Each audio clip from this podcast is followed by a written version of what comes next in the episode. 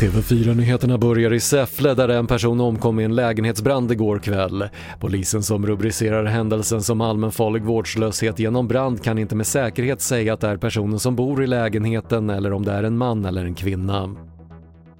Taxibranschen har tappat 40% av omsättningen under pandemin enligt Svenska Taxiförbundet rapporterar SR. Oron är stor för att branschen inte kommer återhämta sig och bland annat befaras att resandet kommer minska framöver när allt fler företag har digitala möten på distans.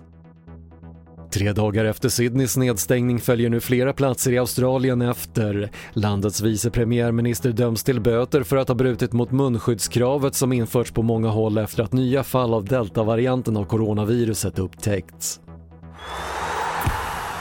Vi avslutar med fotbolls-EM där det var dramatiskt igår med hela 14 mål i de två matcherna. Schweiz skrällde och slog ut regerande världsmästarna Frankrike efter straffdrama. Schweiz som i kvartsfinalen nu ställs mot Spanien som slog ut Kroatien med 5-3 efter förlängning.